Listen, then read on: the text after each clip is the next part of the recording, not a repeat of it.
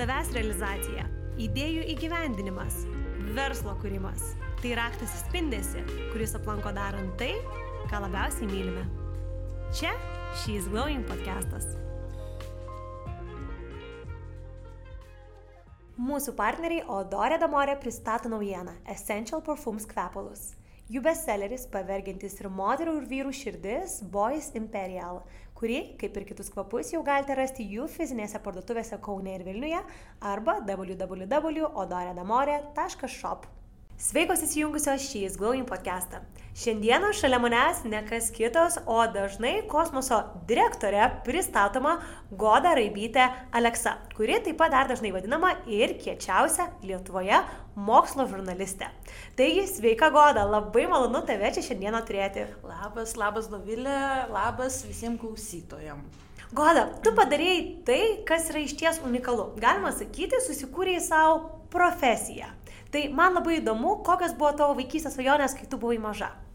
Aš e, nuo netmenamų laikų jau norėjau būti žurnaliste ir e, kai žaisdavau vienu metu, aišku, praėjau tą astronauto fazę, kaip ir visi, arba dauguma vaikų, bet aš dažniausiai žaisdavau, kad esu arba žurnalistė, arba mokytoja.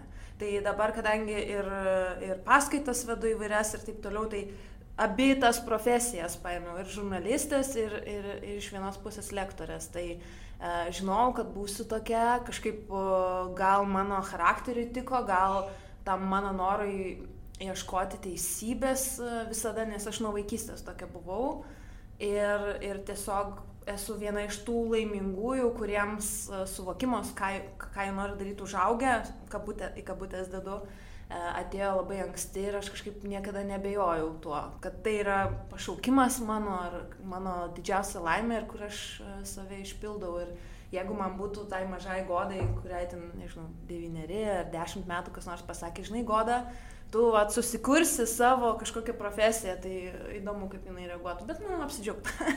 Hmm, tikrai taip. Tai dabar prisimenant tavo žingsnius, kaip suprantu, jie buvo iš karto labai tokie tiesus. Nebuvo, kad pradėjai studijuoti teisę, metėjai tada ar ne visą tai ir nuėjai savo tikrai kelią. Nieko panašaus. Mano uh, tėtis yra kažkada pasakęs, uh, kad, sako, Goda, tu ėmėjai visus posūkius, kuriuo ir išėjai iš kelio tiek kartų, kiek, kiek buvo įmanoma.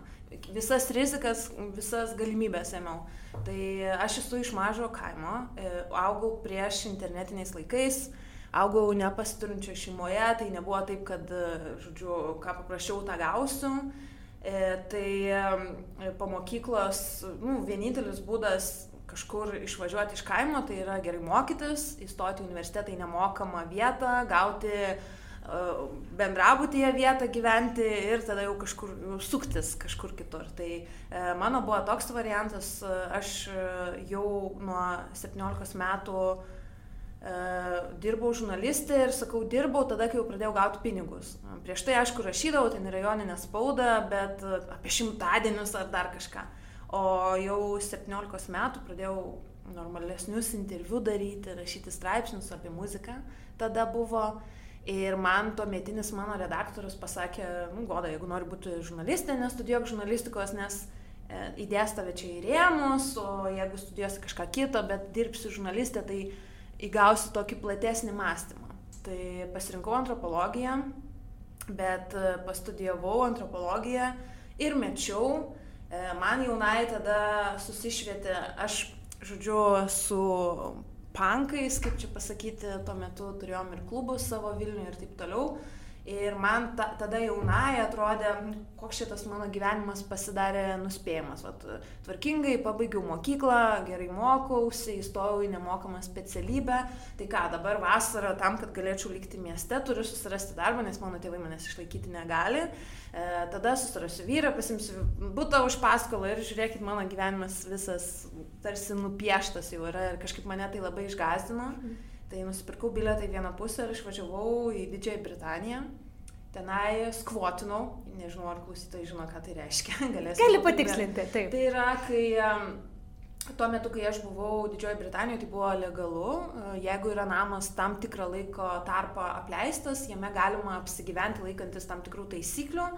Ir, e, žodžiu, jeigu ten kažkas ne taip, tai tada policija atvažiuoja, iškelia ir taip toliau, bet man taip nebuvo. Uh, tai, tai žodžiu. Iš esmės gyvenai tenai nemokamai? Jo, su, mhm. darydavom konsus, mano draugai turėjo ten tokią įrašų studiją, skvotę įsirinkė, keliau, keliaudavom, uh, sukausi tam muzikos pasaulį ir taip toliau, bet gal mane tas labai nuvylė, nes atrodo, kad žmonės yra labai išlepę ir ateina ir kažkaip, nežinau, išvažiavau ten mokytis, pavadinkim to pankroko, iš, iš pankroko šaknų Didžiojo Britanijoje, bet e, labai nusivyliau, kažkaip, nežinau, buvo tenai, aš kadangi pati negeriau alkoholio, nevartojau narkotikų jokių ir apskritai pirmą kartą prigeriau alkoholio, kai man buvo 27.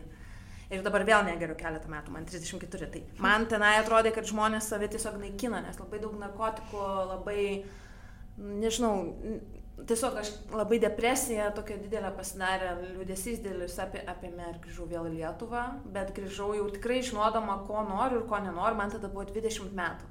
Tai kai jūs čia, jeigu klausytojai klauso ir galvoja, kokia naivi mergaitė ar panašiai, kokie čia keisti jos sprendimai, tai turėkit minti, kad aš buvau iš kaimo vaikas atvažiavęs į miestus pirmą kartą ir man tai buvo Wow. Nežinau, tai buvo wow ir man tos visos patirtis, aš jas tiesiog gėriau į, į, į save ir jau kai grįžau buvau 20-21, jau tikrai žinau, ko noriu. Dar kartą įstojau, baigiau pagaliau tos mokslus, žodžiu, ir, ir, ir jau, jau, jau dirbau visiškai grįžus, pilnu etatu pradėjau dirbti redakcijose ir pradėjau visiems kartoti mokslo žurnalistę mokslo žurnalistė. Jeigu reikia kur nors mokslo žurnalistė, mokslo žurnalistė, kol kažkas pradėjo mane taip vadinti. tai iš esmės pati suformavai kitiems žmonėms, kaip jie turėtų tave matyti ir su kuo turėtų tave asocijuoti. Iš esmės, kūrė savo asmeninį prekinį vardą. Taip, taip, iš tikrųjų ir dabar to, aš kadangi mokslo komunikacijos mokau ir mokslininkus dabar, visada sakau, kad naratyvas, kaip mūsų mato visuomenė, yra mūsų rankose. Aišku, mm. gali, padarom klaidų, gali iš, išsprūsti viskas iš mūsų rankų ir nežinau, gali būti siejamas su naratyvu, su kuriuo galbūt nenori, bet iš esmės viskas yra mūsų rankose, Taip. E, ne tik mūsų specialybė, ne tik e, pasirinkimai, tai aš tikslingai dirbau ir kai man žmonės sako, o goda, kaip tau pasisekė, tu ten nasoj buvai, ten dar kažkur, žodžiu, kaip pasisekė, aš sakau, čia nebuvo sėkmė, tai buvo tikslingas darbas, e, užtrukęs ilgai ir, ir nuobodžiai ir pareikalavęs uh, ir asmeninio gyvenimo, ir sveikatos, ir taip toliau, bet žodžiu, ne, nebuvo taip viskas rožiamis klota. Mano pirmas darbas, beje, kai buvau 16, buvo gamykloje. Keldavaus visą vasarą po 10 klasės, keldavaus pusę keturių ryto ir važiuodavau valandą, ten veždavo toks troleibusiukas, visus autobusiukas į gamyklą ir dirbau gamykloje. Mhm. 16 metę. Wow. Tai ta prasme, tai žinojau, kuo noriu būti, bet tas mano mąstymas užtruko, kol viskas su, sukrito į, į savo vietas ir kol uh, nežinau, gal kol ir išdrysau save kažkaip vadinti, nes kai mane pirmą kartą pakvietė kažkur kalbėti, papasakoti, sako, padaryk čia mums paskaitą ir taip toliau, aš galvoju, aš, taigi, aš tiesiog dirbu savo darbą, kalbinu žmonės, kam čia įdomu yra, ką aš turiu pasakyti, tai užtruko. Na, nebejotinai tai yra tas prekinio vardo augimas, kai žmonės tai jau domisi ir tavimi kaip žmogumi. Ir labai smagu, kad tu iš karto jį darai labai aiškiai ir tikslingai, žinant, kokia, kokią asociaciją nori kurti, ar ne? Tai iš ties, mokslo žurnalistė, man labai įdomu, ar tu tai pasirinkai tiesiog tiksliai žinodama, kad nori rašyti ne apie gyvenimo būdą, ne apie politiką, nori rašyti apie mokslą, ar tiesiog norėjai atrasti savo nišą, kuri iš tikrųjų tave visame žurnalistų būryje ir tikrai padarė išskirtinę.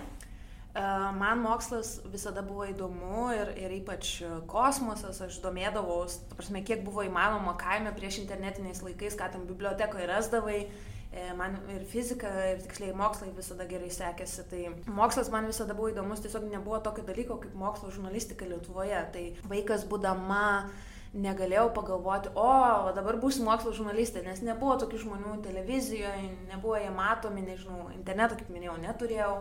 Tai, tai tiesiog man tos temos visada buvo įdomios ir redakcijose niekas nenorėdavo jų apsimti, nes visi galvodavo, kad mokslas tai yra kažkas nuobodaus ir, ir neįdomaus, o man kaip tik buvo tas mane užveda nežinojimas.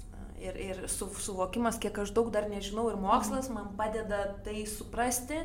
Ir kartu, kaip ir minėjau, aš tokia visada tiesos ieškoju. Man atrodo, kad mokslas, būtent tas pažinimo procesas ir veda link tiesos, ne to, kaip, kaip aš primetu kažkam, kaip turi būti gamtai, pavyzdžiui, kokia jinai turi būti ir galvoju istorijas, kurių kokia ta gamta turi būti, o bandau pažiūrėti, kad jinai atskleistų savo tikruoju grožiu ir kokia jinai yra. Tai bandžiau rašyti apie politiką, man į politiką yra iki šiol įdomu, bet mane sekino tas politikų politikavimas. Aš kelis kartus padariau interviu, kurie ir Lietuvoje skandalą sukėlė su kai kuriais prasto įvaizdžio politikais, bet e, aš po tų interviu jausdavau kažkokia nešvari, nes turi gaudyti žmogų už liežuvio, turi mm, žinoti, ką jis yra primelavęs, nes tikrai tas žmogus dar bandys ir interviu meluoti arba kažkaip per aplinkui atsakinėti man tas buvo, nu, nežinau, aš jautrus žmogus, tai prastai jausdavus po to ir, ir, iš politikos visai išėjau ir jau tada tik mokslą pasirinkau. Bet pradėjau tai nuo muzikos rašyti, nes muzika mane visada supo, grodavau įvairiais instrumentais ir taip toliau, tai rašiau apie tai, ką, kuo gyvenau, nes nežinau, kad gali būti tokių dalykų kaip mokslo žurnalistė. Tai aš dabar dėl to labai noriai visada ir su vaikais bendrauju, kad parodyčiau ir vaikams, ir provincijose ypatingai, kad nu, įvairių tų specialybių yra ir jeigu jūs norite, yra vat, ir tokia specialybė ir gali rinktis, ir gali gyventi, ir, ir kurti, ir, žodžiu, būti laimingu žmogum. Bet iš tikrųjų, na, nėra labai stipriai, kad tokia specialybė būtų. Galimai galima, ja. dalinai galima sakyti, kad tu ją susikūrei. Pavyzdžiui, ir aš susikūriau savo profesiją, Taip. tokios kaip ir nėra. Bet mano nuomonė, taip gyventi yra labai smagu. Susikurti kažką savo, ar ne? E, tačiau man labai įdomu, kokias duris tau atvėrė tai, kad tu nusprendai eiti neįprastų kelių ir plius minus rašėjai apie viską, ką tau pasiūlydavo, o vat nutarėjai kaip ir susisiaurinti ja. ir sakyti, aš vat noriu eiti tokiu keliu. Kokias galimybės tau padovanoja tas sprendimas? Visas įdomias galimybės, kokias pasitaikė, nežinau, važiuoti į, į mokslo centrus didžiausius pasaulyje, bendrauti su žmonėmis, kurie uh, gydo nepagydomas lygas, kurie kūrė robotus, siunčia juos į, į kitas planetas ir tie robotai veikia ir veikia jau vieni ten net 40 metų ir daugiau. Ir su tai žmonėmis dalintis, su kai kuriais susidraugauti, rašyti knygas, uh, nežinau, plėsti savo suvokimą kaip žmogaus, ko aš noriu, kokia aš noriu būti, kaip aš matau pasaulį, kokia yra mano misija. Prasme, visi įdomus dalykai. Ir aišku, ne viskas, aš čia taip pasakoju, aš labai mėgstu tai, ką aš darau ir aš kaip pasakoju, gali atrodyti, kad čia viskas taip rožiam klota. Nėra taip viskas, yra vis, vis, visokių išbandymų ir tu pati tikriausiai, Davilė, žinai, kad kai pats kuriesi yra ir daug to nesaugumo, bet jis užveda, užveda stengtis labiau negu gal kiti žmonės, kurie labai yra saugus tame, ką daro. Žinai, man klausant tavęs iš tikrųjų nuėjo per visą odą širpuliukai, gal dar ir todėl, kad e, mano pačios, jeigu kažkas būtų paklausę manęs vaikystėje, kuo aš noriu būti, aš visą laiką sakydavau, kad arba verslininkė, arba žurnalistė. Ir dabartinė mano veikla iš tikrųjų puikiai susijęja abu dalykus, ar ne, moterų klubas e, apie verslą ir tikrai dažnai laida, ar ne, vedu laidą, kalbinu moterį savo podcast'e. Ir galvoju, kaip šitie dalykai susisiejo, bet žurnalistika mane viliojo labiausiai todėl, kad man atrodė, kad žurnalistai turi tokį kaip ir raktelį, kuris atrakina atrakina labai daug durų. Tu gali prieiti prie labai daug žmonių, prie kurių tu šiaip neprieitum. Tu gali nuvažiuoti ir būti tose vietose, kur tu šiaip nebūtum. Ir man tiesiog atrodė, kad žurnalistai gyvena be galo įdomų gyvenimą. Tai dabar klausant tavęs, man visiškai buvo širpuliukai per visą kūną, nes tiesiog galvoju, va, yra na, puikus pavyzdys, iš ties, ar ne, kokius, kokius nuostabius kelius atrakina galimybę pažinti kitus žmonės, ar ne. Ir man labai įdomu, ar tu galėtum pasidalinti kažkokiamis patirtimis, kurios tau labiausiai strigo. Turbūt tai gal bus NASA lankymas. Ja, žinoma, aš nežinau. Kaip ten atsiradai? E, dirbau, neseniai beje e, parašė man mano senas e, draugas, kurį netyčia su vyru sutikom molėtose ir tiesiog parašė ir aš pažiūrėjau, koks buvo mūsų paskutinis susirašinėjimas. Ir susirašinėjimas buvo ten 2018 pradžioje, regis, ir, ir, ir jis rašė, Goda, kaip tau čia pasisekė, visiškai prasimušiai, kaip tu čia į tą nasą patekai. Ir aš jam parašiau, tai ką, žiauriai daug reikia dirbti. Reikia dirbti ne tik daug, bet ir tikslingai kartais paukoti ir asmeninį gyvenimą, suprasti, ko nori, mokytis iš klaidų ir va, žiūriu vieną dieną, po kelių metų atsiduri NASOje. Aišku, NASA buvo, aš noriu dar ten grįžti ir tikrai grįšiu.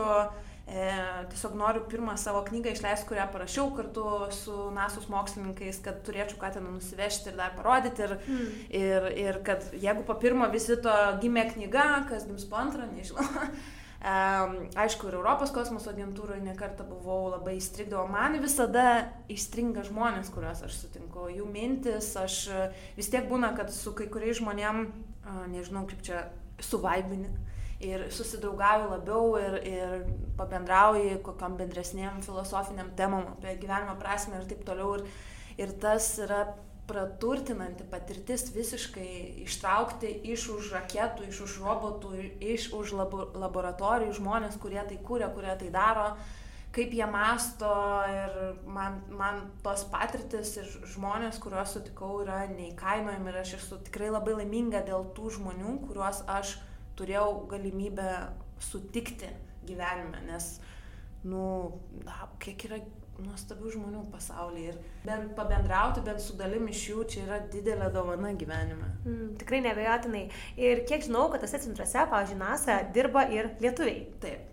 Wow, man labai įdomu, nežinai, bet įsivaizduoju žmogų, kuris dirbo tokioje vietoje ir nuoširdžiai atrodo, na, kosmosas, tikrai, ta žodžio prasme, ar ne? Ir labai įdomu, koks turi būti žmogus, kuris iš viso ten dirba. Tai vad, ar galėtum pasidalinti savo išvalgomis, bendraudama su žmonėmis, kurie iš ties na, prisiliečia prie pasaulio stebuklų, kur net galva atrodo neišneša, ar ne?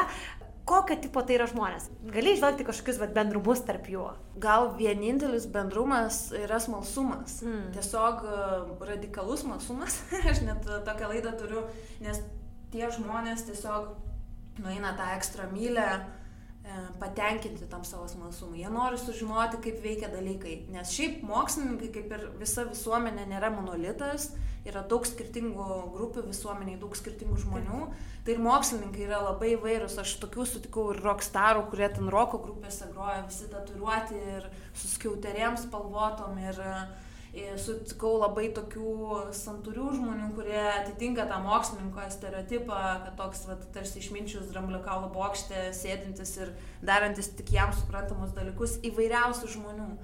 Tai vienintelis dalykas, kuris juos jungia, tai yra labai labai didelis, labai labai didelis malsumas. Ir, ir tikriausiai ir kantrybė, nes tam, kad taptų mokslininku, reikia labai daug kantrybės. Reikia labai daug ir mokytis ir, ir, ir daug klaidų padaryti ir išmokti iš tų klaidų ir tiesiog. Bet smalsumas vis tiek yra tas numeris vienas dalykas, jų super gale.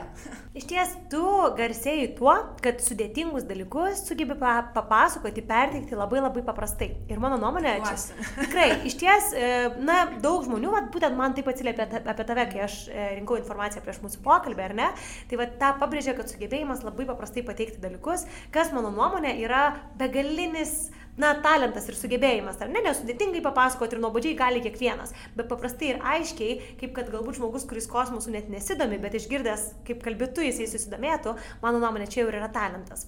Tai kaip tu lavinai savo įgūdžius? Ar tai buvo natūralios duotybės, ar kažkaip dirbai, tobulinai, nes manau, kad toli gražu ne tik universiteto indėlis čia. Oi, ne, aš tai iš viso E, labai neakademinis, net mano bendravimo tonas yra, jeigu pastebėt, e, kad aš tikrai ne, nu, netitinku to, sakykime, kažkokio tai akademinio pasaulio, nes aš, aš mėgstu save įsivaizduoti kaip kažkoks tarpinis variantas tarp visuomenės ir tarp akademinio pasaulio. Ir labai gerai pastebėjai, sakydama, uh, įgūdžiai. E, nes komunikacija vis dėlto yra įgūdis, tai nėra, aš, aš tikiu talentų, sakykime, bet e, yra daug talentingų žmonių, kurie neišnaudoja to talento, nes jie ne, ne, neįdeda darbo, nes į talentą tam, kad jis sužydėtų, reikia dar labai daug darbo įdėti, nes nu, tiesiog tai yra neatskiriami dalykai. Ir taip mano giminė ir mano brolis yra puikus pasakorius ir, ir mano senelis buvo labai neįlinis pa, pasakorius istorijų ir taip toliau. Ir gal kažkiek buvo ir ir, ir genų, sakykime, kažkiek um, paveldėtų charakterio savybių, bet buvo ir daug darbo, tiesiog paprastuoju bandymo būdu žiūri, kas veikia, kas neveikia, kokios temos veikia, kas e, žmonės kažkaip reakcija kažkokia, nes komunikacija tai yra, ne, turi būti kažkoks grįžta, grįžtamasis ryšys, o kad netėjau, papasakojau ir išėjau. Tai žiūri, kur koks ryšys yra, ką, kaip, ką žmonės sako, ar jie suprato, ar atsiranda tokių, vat, kurie sako, o aš maniau, kad kosmosas, ar čia šiaip mokslas yra nuobodu, tu parodai kažką kito man, kažką įdomaus, kad galim domėtis ir taip toliau. Tai lavinau bandymo būdu, aišku, ir, ir daug mokymų ir seminarų esu dalyvavusi, tai visur, kur nuvažiuodavau, ar NASA, Europ, Europos kosmoso agentūrą, ar dar priklausau Europos mokslo žurnalistų asociacijai, įvairiausi mokymai, kursai ir taip toliau, kur mokaisi iš profesionalo. Taip pat ir žurnalistika labai padėjo pati, nes e, vėlgi žurnalistikoje išmoksti, publicistikoje išmoksti atskirti informaciją, sakykime, ir ją trumpinti, pastebėti tuos kabliukus informacijoje, ne ją visą pateikti. Gal žmogus kalbėjo 20 minučių, bet tai, kas yra iš tikrųjų įdomu, yra ten 10 sekundžių. Įgūdžiai, patirtis ir, ir kažkiek gal ir buvo to įgimto pasakojimo dalyko iš aplinkos, bet vėlgi kas iš to talento, jeigu prie jo nedirbi, mm. jeigu neįdedi jo į jį daug darbo, tai kaip ir, nežinau, bet tiesiog praktika, praktika ir, ir, ir darimas to, ką darau, vienintelis būdas buvo. Goda, o ar galėtum pasidalinti kažkokiais labiausiai tau strigusiais su mokslu susijusiais faktais? Gal pats gražiausias ir romantiškiausias man yra pritraukiantis kosmosą prie mūsų visų yra tai, kad mes visi sudaryti iš žvaigždžių dulkių. E, tai yra kiekvienas elementas mūsų organizme ir šiaip visoji materijoje, kuri mums yra įprasta, kuri sudaro planetas e, ir taip toliau, prieš milijardus metų gimė žvaigždėse, tada tos žvaigždės numirė, sprogo, elementai pasklido kosmose ir per milijardus metų uh, susijungė ir štai vat mes esam kal, žvaigždžių dulkės, kalbančios su žvaigždžių dulkėmis. Ir kai man sako, Goda, kam tyrinėti kosmosą, taigi ir ant Žemės yra tiek daug problemų, man atrodo, kad e, tyrinėdami kosmosą mes tyrinėjame ir save, nes mes esame kosmoso dalis. Žemė yra kosmoso dalis, nėra kažkaip atskirai kosmosas ir tada kažkur yra Žemė. Tai kartu tyrinėdami kosmosą mes tiek apie save sužinome, apie savo planetą, apie savo planetos atmosferą, apie savo planetos likimą, apie gyvybę, apie gyvybės paplitimą arba nepaplitimą kosmose, nes dar kažkur kitur gyvybės mes nesame atradę, kol kas žinome, kad jinai yra tik Žemėje. Ir um, aš pokalbio pradžioje paminėjau, sakiau, kad man labai įdomu yra pamatyti, kai gamta atsiskleidžia tokia, kokia jinai yra. Ir vad, kai žmonės kalba ar ten apie horoskopus ir taip toliau, kas, na, horoskopai yra laikomi pseudomokslu ir Tai tiesiog yra istorijos, kurios mums patinka ir kuriomis mes tikime. Ir nieko blogo su to nėra, bet e, kai man nereikia horoskopo ar astrologijos, nes aš, aš turiu tą ypatingą ir mes visi turim tą ypatingą ryšį su kosmosu, mums nereikia jo ieškoti dirbtiniais būdais. Ir tas, nežinau, ir suvokimas, ir jis kartu nukuklina, nes visata yra neapriepiama. Mes esame tokie mažyčiai, dulkelės, gyvenančios ant kosminės dulkelės, visoje kosminėje neapriepimybėje ir kartais va tas suvokimas ir, ir nusikuklinimas man ir, ir kasdien padeda gyventi, nes ir kai kurios problemos nebetrodo tokios didelės mm. ir ne, nežinau, nesi toks susireikšminęs, kad, o, aš čia kiečiausias ir darau kažkokius kietus dalykus, vadai. Yra kosmosas, viskas taip yra gražu ir tiek mes dalykų nežinom ir taip yra faina sužinoti kažką naujo. Aš, va, man tas žvaigždžių dulkės yra toks e, suvokimas, kur buvo, wow, ok. Geras. Turbūt girdi šitą klausimą dažnai, bet e, kokia yra tavo pačios nuomonė, ar yra gyvybė kitose planetose? Nuomonę aš galiu turėti kokią aš noriu, mes dar jos nesame atradę. Tiesiog dar nėra įrodymų, kad e, mes nesame ypatingi, sakykime, visoje visatoje ir tik Žemėje užsimėsgi gyvybė. Aišku, žinant um, daugybę su tuo susijusių faktų, būtų labai keista, kaip ir daugelis mokslininkų, kurie tyrinėja nežemišką gyvybę, sako, būtų labai nustepčiau, jeigu sužinočiau, kad mes esame vieni. Hmm, bet, kaip, kaip ir nepatvirtina, bet tikrai ir nepaneigia. Taip, bet jūs pagalvokit, jeigu tai paaiškėtų, kad Žemė yra vienintelė oazė, kurioje egzistuoja gyvybė, kokia tai yra atsakomybė mums. Hmm. Tarsi mes iš visos nepriepiamos visatos, begalinės visatos, vieninteliai gavom šansą gyvybės dovana ir kaip reikia, nu, tiesiog paprasčiausiai nesusimauti ties mm. šito klausimu ir kokia didelė atsakomybė. Ir kaip smarkiai pasikeistų mūsų mąstymas, jeigu sužinotume, kad nesame vieni. Kaip mm. pakeistų tą mūsų vietą kosmose ir, ir apskritai suvokimą, kas yra žmogus, kas yra gyvybė. Tai man tai yra pats įdomiausias klausimas.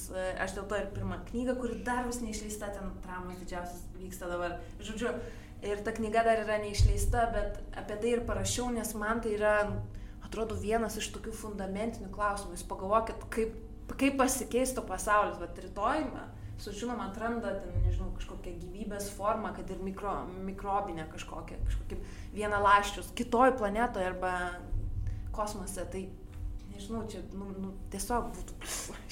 Bet ar darbas ties tuo vyksta, ar ne? Ar yra šansai, kad, nežinau, 10, 5 ar 80 metų bėgėje tai bus patvirtinta? Tai vyksta nuolat, jau ir vyksta ne pirmą dešimtmetį tiek uh, mokslininkai tiek tai daro Žemėje e, įvairiais e, teleskopais, tiek ir radio teleskopais gauna, gaudo į Žemės tos, Žemėje stovinčiais teleskopais, gaudo tos vadinamosius e, techno, technologinius žymenis, tai yra signalai kosmose, kurios, radio signalai, kuriuos galima išsiųsti tik dirbtiniu būdu. Kažkas, nu, kažkoks dirbtinis šaltinis galėtų tai išsiųsti. Tiek yra keliami palidovai į kosmosą, visai neseniai prieš metus pradėjo kosmose veikti toks galingiausias e, žmonijos istorijoje kosminis teleskopas James Webb Space Telescope. Ir, ir jo vienas iš tikslų taip pat yra, yra ieškoti kitų planetų, analizuoti tų, tas planetas ir taip toliau. E, taip pat NASA ir Europos kosmoso agentūra planuoja misijas į, į Marsą, į, į didžiųjų dujų gigantų uh, palidovus, kurie beje taip pat yra laikomi kaip vienais iš potencialių taškų, kur ieškoma gyvybės. Pavyzdžiui, Jupiterio palidovas Europoje yra maždaug mėnulio dydžio, bet vandens ten yra 2-3 kartus daugiau negu Žemėje. Ir neproporcingai, bet tiesiog daugiau ten yra tokie vandenynai. Ir taip pat jau žinom, kad ten yra organinių medžiagų. Organinės medžiagos nereiškia gyvybės, bet jos yra būtinos gyvybei, kaip ją suprantame. Dėl to jau NASA kitą metą pasiūs į Europą misiją, kuri vadinasi Europa Clipper. Ir ji tiesiog žiūrės, nes Europa yra padengta labai storų ledo sluoksnių ir žiūrės, kur yra ploniausias tas ledo sluoksnis, kad būtų galima matyti jį prasigręžti ir, žodžiu, pažiūrėti, kas plaukioja tose vandenynuose. Mm. Tai, tai aš tikiuosi, kad per savo gyvenimą aš sužinosiu jau, ar mes kosmose esame vieni mm. ir galbūt kažkas mūsų kontaktuos. O kaip sako vienas labai garsus astrofizikas ir labai žinomas žmogus ir mokslo komunikatorius Neil deGrasse Tyson, jis veda ir serialą Kosmos. E, kad gal jau nežemiška gyvybė, civilizacija mus yra aplankiusi, bet mes jiem pasirodėm tokie primityvūs, nes jeigu tai yra civilizacija, kuri yra milijonus metų labiau pažengus technologiškai, kad galėtų tokius atstumus kosmose kel, nukeliauti, tai jinai, nu, gal jį mus pažiūrėjo kaip į, kaip į kažkokias primityvius vienalaščius ir lygiai kaip mes, nesu, kaip, sakykime, skrusdėlės nesupranta žmonių ir mes, tai gal mes lygiai taip pat nesupratom tų potencialiai galbūt mus kada nors aplankiusi. Aš aišku, čia tik, tik, tik mastau, nes tam, kad suprastų ir suprastumėt, kosmose atstumai yra milžiniški. Iki artimiausios mūsų Saulė žvaigždės, nes mums yra artimiausia žvaigždė Saulė, o Saulė artimiausia yra vadinasi Kentauro Proxima. Iki jos nukeliauti skirtingais paskaičiavimais užtruktų dabartinėmis technologijomis nuo 7 iki 70 tūkstančių metų neapsimoka kurti misijas ir ten siūsti, nes e, ta žvaigždė taip pat turi planetų, kurios mums yra įdomios, kurios yra vadinamoje gyvybės zonoje. E, bet jau yra įvairių konceptų, kurie galbūt greičiau tenai nusiųsti ir taip toliau, bet tiesiog įsivaizduokit, kokie yra atstumai kosmose ir jau tikrai turi būti civilizacija labai labai stipriai pažengusi ir galbūt net milijonus metų labiau pažengusi negu mes, tam, kad jinai galėtų įveikti uh, tuos atstumus kosmose ir turėtų tokias, tokias technologijas. Tai va, mes galbūt jų net nesuvokėm, ir, o mes jiem atrodėm, ai, primityvai kažkokie, ir jie nukeliavo toliau. Geras, iš tikrųjų labai labai įdomu. Ir tu minėjai, kad tu apie tai rašai ir savo pirmąją knygą, kurie dar taip ir neišvydo pasaulio šviesos. Ai, yra dramų daug, nes uh, aš uh, leidau leidykloje, kur nesenai sužinojau, ten, žodžiu, ilgos istorijos, jinai subankrutavo, tai aš dabar tą knygą perimu. Uh, ir jau yra kelios leidyklos kitos, kurios yra susidomėjusios, tai aš ją tikrai išleisiu, nes parašiau kartu su mokslininkais iš NASA, iš Europos kosmoso agentūros, iš CERNO ir iš SETI. SETI yra tokia uh, mokslinė institucija, įkurta Karlo Sagan ir uh, Jill Tarter, kurios tikslas yra ieškoti nežemiškos gyvybės, tai jie jau tai daro 50 metų. Ir su mokslininkais iš, iš tų sričių, kurie ieško nežemiškos gyvybės, uh, parašėm, jie yra kaip ir bendra autoriai, uh, parašėm knygą vaikams apie nežemiškos gyvybės paaiškas, yra veikėja tiesiog pagrindinė veikėja, bet kiti veikėjai yra tikri mokslininkai, kurie sutiko būti tos knygos dalimi ir kurie dalinasi su veikėja savo mąstymu, ar mes vieni ar ne vieni, kaip čia vyksta tos paaiškos ir taip toliau. Tai, tai žodžiu, sakau, čia vingiuotas kelias link knygos išleidimo pasirodo parašyti yra daug lengviau negu, negu išleisti, logistika visą ir taip toliau, bet tikiuosi, kad e, šiemet tikrai ją išleisiu. Eilėje laukia dar porą knygų, tai nežinau, ar išeis pirma knyga, kaip pirmoji, mm. ar išeis trečia knyga pirma, nes ten daug greičiau reikalai vyksta su kita leidikla. Pažiūrėsim, bet hmm. tą tikrai išleisiu.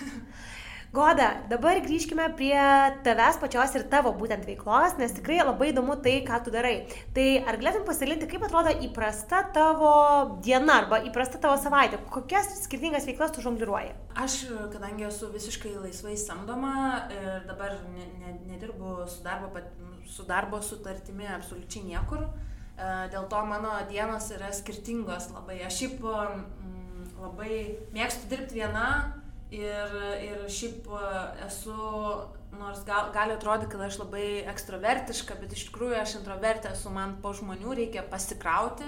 Man, jeigu yra diena, pavyzdžiui, šiandien visą dieną jaudinaus, nežinau, kad bus šitas interviu, kuris vyksta vakare ir man visą dieną buvo tas jaudulikas, o jau čia reikės eiti kalbėti ir bendrauti ir taip toliau. Tai įvairių būna, būna kartais dienos, pavyzdžiui, visos vien filmavimai, tada kažką ten filmuoji. Jeigu būna, pavyzdžiui, per balandžio mėnesį, ne per gegužės mėnesį, turėjau parašyti kitai leidyklai knygą, jie už, užsakė, tai visą mėnesį praktiškai sėdėjau namuose ir rašiau tą knygą. Būna, turiu įvairių susitikimų su žmonėm, kažkur ten e-mailai, online susitikimai ir taip toliau lab, prie labai daug skirtingų projektų dirbu ir prie knygų. Ir... Pasidalink tais projektais. Tai Sakot, kad žmonės suprastų, ar ne kaip žmogus, nes labai įdomu parodyti tai, kaip tu susikūrei savo darbo vietą ir kokie yra tie skirtingi projektai. Nes, na, iš ties tu čia savo žinias ir sugebėjimus sujungiai kartu su savo įstra ir, na va, turi darbo vietą. Tai dabar visai daug pakviečia įmonės e, papasakoti apie mokslą. Kartais netgi už, e, aš turiu kažkokių savo pranešimų jau paruošusi bet būna, kad e, kreipiasi kokia įmonė ir sako, mes norim tą ir tą temą, bet norim iš mokslo pusės. Ir aš kartu ten, žinau, vis tiek daug mokslininkų, mes kartu parašym ir aš tą paskaitą kažkokią ar pranešimą jiem padarau. Uh, kartais renginius vedu, bet irgi apsimu tik tuos, kurie yra susiję su mokslo ir technologijom, nes man, mhm. nu, kitaip aš, aš nenoriu savęs mėtyti ir aš esu labai nusistačiusi, kokiom aš temom ir kur aš einu ir, ir visada, kai gaunu kažkokį pasiūlymą, jeigu jis netitinka mano bendros misijos, mano strategijos, nes turiu tokią, tai, tai tada aš ne, ne, nemėtau savęs. Mhm. Tada turiu porą laidų Delfi televizijoje, Laisvės televizijoje apie mokslą. Rašau knygas, dabar kaip ir esu parašiusi tris knygas, bet laukiu savo išleidimo. Tai būna kažkokiu darbeliu, ten nežinau, nuotraukas surasti reikalingas, perskaityti redaktorės pataisimus ar dar kažką, nu yra, žodžiu. Tada dirbu su faktų tikrinimo iniciatyvom. Čia yra, jeigu pastebėjot socialiniuose tinkluose, kartais jeigu kas nors dalinasi žinia, kuri, kurioje yra melagingos informacijos, iššoka toks disclaimeris, mhm. false mhm. information. Tai aš gaudau ir tokius dalykus, šie, nu, čia mažesnė dalis e, veiklos yra. Rašau straipsnius, rašau straipsnius e, įvairiausius, jeigu paprašo, bet dabar daugiausia tai yra paskaitos ir, ir, ir knygos. Ai, atsiprašau, Taip. dar, mokymai mokslininkams. Taip, dabar vis daugiau ir įvairius fakultetai iš universitetų ar kažkokie renginiai prašo mokslo komunikacijos mokymų, kas yra žiauriai geras ženklas, nes vat, tokius e, praėjusios savaitės e, pradžioje vedžiau, tai jūs įsivaizduokit vasarą, mokslininkai vietoj to, kad atostogavę, jie eina mokytis komunikuoti, nes jie turi ką papasakoti, jie nori bendrauti su visuomenė, tiesiog jie neturi įrankių ir neturi įgūdžių. Mm. Ne, kaip tu paminėjai, komunikacija yra įgūdis, tai aš einu mokyti juos to įgūdžio, to bendravimo įgūdžio. Tai dabar jau irgi vis didesnę dalį tai užima, nes vis daugiau atsiranda tokių ir yra didelis džiaugsmas, vadinasi, viešoje erdvėje mes išvysim vis daugiau mokslininkų. Mm. Tai yra nuostabu. Fantastika, tikrai taip pritariu. Ir labai dar mane sudominai paminėdama strategiją. Taip. Tai ar galėtum pasidalinti, turi strategiją būtent kalbant apie savo veiklą ar apie savo asmeninį prekinį vardą? Taip, turiu. Uh, Aš manau, kad veikla vis tiek yra su mano asmeniniu tuo prekiniu vardu susijusi, nes per veiklą aš jį ir formuoju, aš jį ir gaunu, aš gaunu pasitikėjimą, aš gaunu autoritetą, e, įgaunu žinomumą kažkokį būtent per veiklą. Tai aš pas, esu pasirinkusi, sakykime, tai ir vienas dalykas, kurį paminėjau, kad tai, ką aš darau, vis tiek turi būti susijęs su, susijęs su mokslu, mokslu ir technologijom, nes kitaip man nėra prasmės. Mane yra kvietę ten vesti ir pramoginės laidas, ir į pramoginės laidas aš į jas neinu, nes aš nenoriu būti pramogų pasaulyje, aš e, ne, nenoriu būti toje srityje, aš, e, yra žmonių, kurie nori būti, tai jie tegu ir būna ten, būna ten, aš esu ten, kur aš noriu būti, tai dėl to visada labai vertinu ir e, pažiūriu, tada esu, mano strategija, aišku, yra numatyta, kiek ko turiu padaryti per metus, e, kiek paskaitų noriu pravesti. E, į šių metų strategija buvo įrašyta ir knyga, aišku. Ir e, kartais būna, kad reikia, aš parašau dažniausiai, sakykime, savo kaip čia pasakyti, įvertinu tą strategiją bent kartą per metus. Dabar jau stengiuosi dažniau, nes vis daugiau tų veiklų atsiranda ir taip yra sunku neišsimėtyti savęs per visur ir galų galiai strategija eina ir polsio planavimas. Mm. Laiko apskritai planavimas, kad reikia ilsėtis, nes kitaip ateis perdegimas. Perdegus aš buvau keletą kartų, nenoriu to kartoti, tai dabar tiesiog žinau, kad reikia, nu, reikia, reikia save priversti atostogauti, nes kitaip bus taip. Tai, Tai žodžiu, yra temos numatytos, yra kanalai, kuriuos aš naudoju ir kuriais aš nesinaudoju. Yra planavimas, sakykime, jeigu kažką noriu iškomunikuoti konkretaus, tai aišku ir planuoju, bet e, jo turiu savo tą ir strategiją, ir asmeninį tobulėjimo planą, žodžiu, stengiuosi jų laikytis ir e, asmeninis tobulėjimo planas tai yra penkiem metam ir kiekvienais metais irgi pačekinu, ar, ar link to einu, ar vis dar to noriu, nes ne, nereikia taip prisirišti prie tų tikslų, bet tiesiog pažiūrėti, ar vis dar, vis dar veikia tai man. Kaip išugdai tokį stiprų planavimo įgūdį, nes iš ties dažnas klausantis dabar gali galvoti, uhu, kaip čia, na, sugebėti tai pasidaryti, ar ne, ir dar penkiem metam, pavyzdžiui, numatyti. Aš manau, uh, man labai padėjo sportas, nes visą paauglystę, kadangi aš minėjau iš kaimo, nebuvo ten kažkokių burelių ir taip toliau, buvo du bureliai, buvo tautiniai šokiai ir buvo sportas. Ir aš abu juos lankiau. Ir kadangi sportavau taip visai pusiau profesionaliai, tai yra važiuodavau mokykloje ir į, ir į respublikinės, ir į tarptautinės varžybas, bėgiojau. Tai tam reikėjo disciplinos, tikrai reikėjo, nes aš ir mokiaus gerai, nors ir ten kovojau pastovi su mokytojais ir mane iš mokyklos norėjo mesti dėl to, kad per daug klausinėjo ir panašiai. Bet, e, žodžiu, tam, kad galėčiau ir mokytis gerai, ir sportuoti, ir lankyti treniruotės, važiuoti savaitgaliais į varžybas, man reikėdavo planuoti savo laiką ir man tas įgūdis atsirado natūraliai. Todėl man, man dabar tai yra visiškai natūralu planuoti, e, kelti tikslus, laikytis tų tikslų. Tiesiog per tiek metų aš augau taip, aš, aš, aš brendau taip ir tai yra mano dalis. Ir aš žinau, tiesiog dabar, jeigu nors kiek nukrypsti nuo plano, ateina perdegimas. E, nes kai daug darai, kai esi toks overachieveris kaip aš, kad turi daryti, turi čia, o kiek visko daug įdomus vyksta, jeigu neišsikristalizuoji to į konkrečią ir savo strategiją, ir savo planą ir taip toliau, eini, gali daryti dalykus, kurie tau visiškai nėra vertingi ir, ir iš tavęs tik eikvoja energiją, vietoj to, kad eikvotum ją savo kūrybai, kurtum kažką, kas tau tikrai yra svarbu. Man atrodo, tavo strategijoje, iš to, ką girdžiu, atrodo, kad labai didžiulę dalį užima e, atradimas, kam pasakyti ne.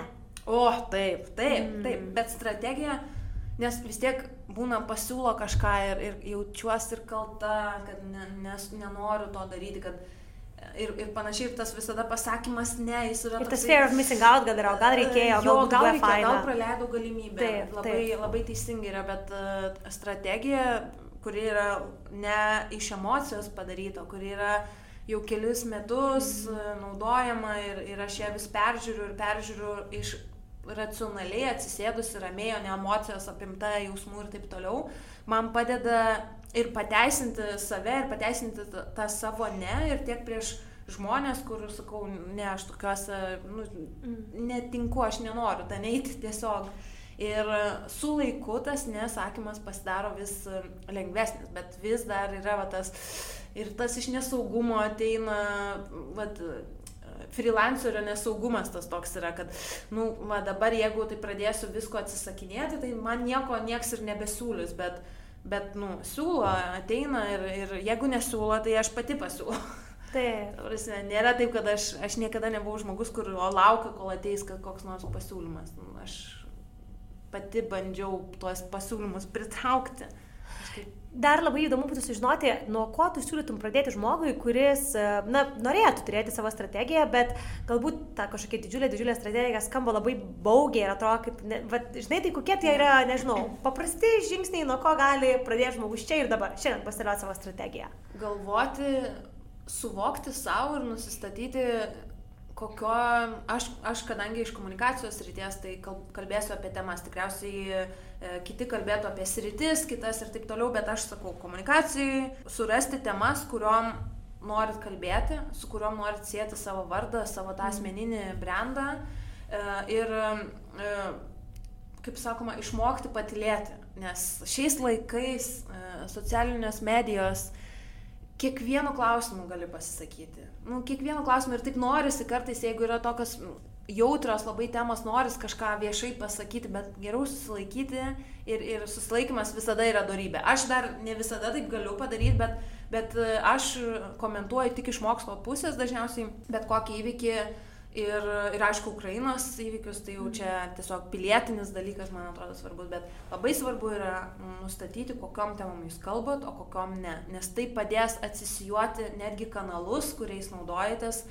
Nes, pavyzdžiui, kažkokiai temai galbūt visiškai netinkamas, yragi kanalai įvairiausių. Tai padės atsisijuoti Tai padės, sakykime, darbo susidėlioti ir tikslus, nes priklausys nuo kanalo, priklausys nuo žinutės, uh, kiek reikia, sakykime, įdėti darbo, kad pasiektum savo tikslo. Uh, tai iš to tiesiog viskas prasideda, man atrodo, nuo temos, nuo tavo asmeninės temos, kuo nori būti jiems, su verslu, su e, moterų įgalinimu, su, uh, su mokslu, mokslo komunikacija, nesvarbu su mada, bet reikia vat, pasirinkti tą temą, kurioj, vat, nes man būna dažnai sako, o goda, nu kai kosmosas, tai iš karto tavo vardas iššoka prieš akis. Bet aš link to dirbau, Taip. tikslingai pasirinkau šitą temą, ji man įdomi, aš prie jos dirbau ir neatsitiktinai tas iššokimas vardą atsirado. Tai jeigu jūs norit, kad jūsų vardas iššoktų prie kitos temos, tai reikia pirmą nustatyti, kokia ta tema yra, apie ką jūs norit kalbėti ir apie ką norit dalinti savo mintimis, savo patirtim, kur link norit dirbti ir kur link norit tobulėti. Jėzu, pritariu šimtų procentų, čia visiškai yra stipraus prekinio vardo pagrindas numeris vienas. Tikrai klausau ir absoliučiai pritariu ir galvoju, kad tarkim, kai aš pati priemiau sąmoningą sprendimą sieti savo, verslą, savo vardą su verslu, e, tiek daug irgi atsirado galimybių, kurių tikrai nebūtų buvę, jeigu tai tiesiog būtų, nežinau, bendrinis. E, vardas, nežinau, apie viską ir apie nieką tuo pačiu, o tai, kad tada tai padovanoja ir verslo galimybės, laidų galimybės, na begalė, nežinau, pasisakymų galiausiai, nes tada irgi, ar ne, žurnalistai, juk tikrai taip veikia viskas, kai tu galvoji, a, koks žmogus galėtų pakomentuoti vieną ar kitą temą, tai tikrai ir žurnalistikos pasaulyje vyksta taip, kad jie galvoja, tai koks žmogus galėtų čia būti ekspertas ir pasidalinti, ir jie kalbina tikrai ne tą, ką pasigūlina internete ir kažkokią iš 30 Google puslapio atranda, o tą, kuris pirmą šauna į galvą, ai, nu tas visą laiką fainai pašneka, įmam šitą žmogų tą temą. Visiškai. O natūraliai tas žmogus taip ir tampa. Kai vat, e, tu sakėjai pradžioje, kad vat, nemėgsiu gal to titulo e, kaip ten kiečiausia mokslo žurnalistė, bet iš esmės gal galima sakyti žurnalistė, kuri tikslingiausiai dirbo, jo. kad jos vardas būtų, jo, ar ne, susijęs su, su mokslo. Vieną, vieną tokią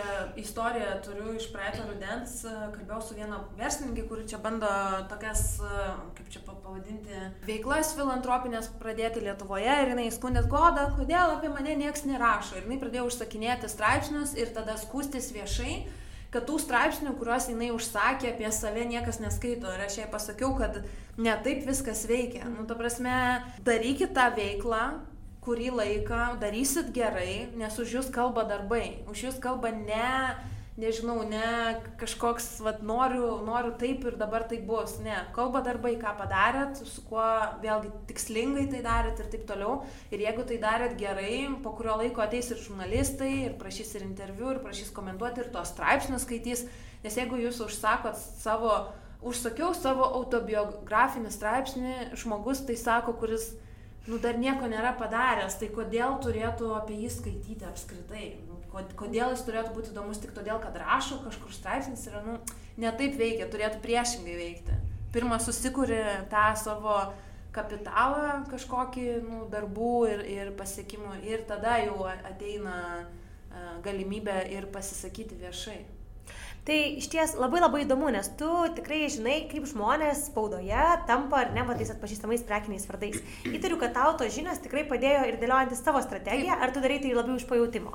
Kartais būna ir iš pajūtimo, bet e, dabar, kai padedu kitiems žmonėm uh, savo komunikaciją dėlioti, tai jau aš matau ir kas veikia, koks kanalas, pavyzdžiui, veikia uh, koks, nežinau, žinutės pateikimas, nes labai yra svarbu ir suformuoluoti, kaip mes sakom, kokį toną naudojam, kokius žodžius naudojam išsireikšti, e, ypač jeigu rašom kažkur ir, ir, ir taip toliau, tas savęs pateikimas, savo laisvės ir taip toliau, kaip tu esi apsirengęs, e, kaip tu savo asmenybę atspindi, nes nereikia, kad visi būtų vienodi, bet e, mane būdavo pirmaisiais tiesioginio eterio laikais e, LRT aprengdavo ne mano rūbais, sulaižydavo plaukus, aš turėjau tokį karę, kirpimą plaukų ir man sulaižydavo tą mano karę, uždėdavo tokį kostiumėlį violetinį ir aš eidavau į tiesioginį eterį.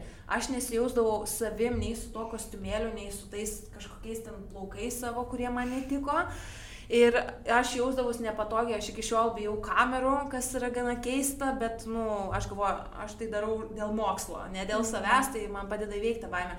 Bet aš esu prieš kameras tiesioginiam eterį prieš tūkstančių žmonių apsirengus taip kaip man nepatogu turiu kalbėti taip kaip man nepatogu aš taip nenoriu aš esu tokia kažkam patinka kažkam ne to ir, ir, ir kit, kitus stengiuosi mokyti, kad jūsų tas unikalumas per žmogišką prizmę, taip pat per empatiją, E, susiję su kitais žmonėmis nuleidžia iš to išminčiaus bokšto mokslininkus ar medikus, pavyzdžiui. Mhm. Ir, ir žmonės, o, va, tas žmogus yra, va, kaip aš panašus, jis irgi ten, va, kažkoks yra, jisai kalba, jis gyvas yra, jis daro klaidų, tai yra taip gražu ir, ir va, tai, tai yra vienas tas asmeniškumo, individualumo prizmė, kuri tikrai veikia per, per empatiją žmonių ir, ir tą socialumą tokį.